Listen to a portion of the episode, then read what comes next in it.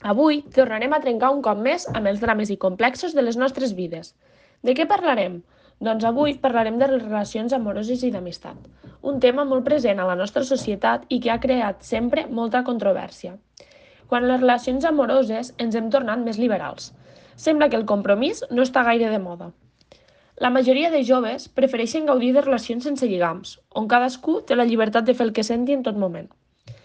D'aquesta forma, també es treballa més la individualitat de cada persona i s'aprèn a no ser tan dependents de la nostra parella. Fer el que ens apeteixi quan ens apeteixi podria ser el nou lema dels adolescents d'avui.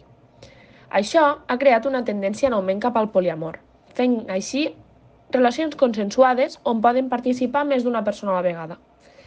Et pot agradar més d'una persona alhora? Què en penseu? S'ha de dir que aquest tipus de relacions han establert una gran importància del sexe en les relacions.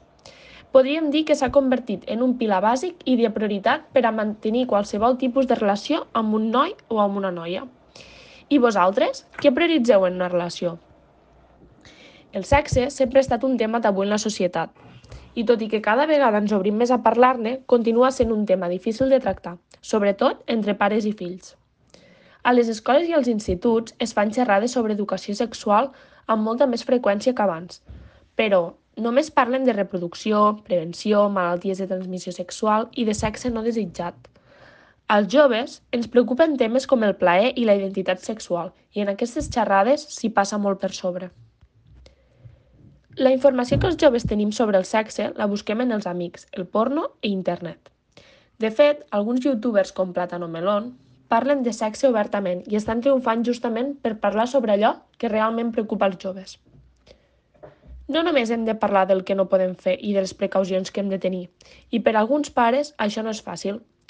Sovint ens trobem amb famílies que no han parlat mai de sexe amb els seus fills, perquè ells tampoc saben ben bé de què parlar, i perquè tampoc saben gairebé res sobre el sexe.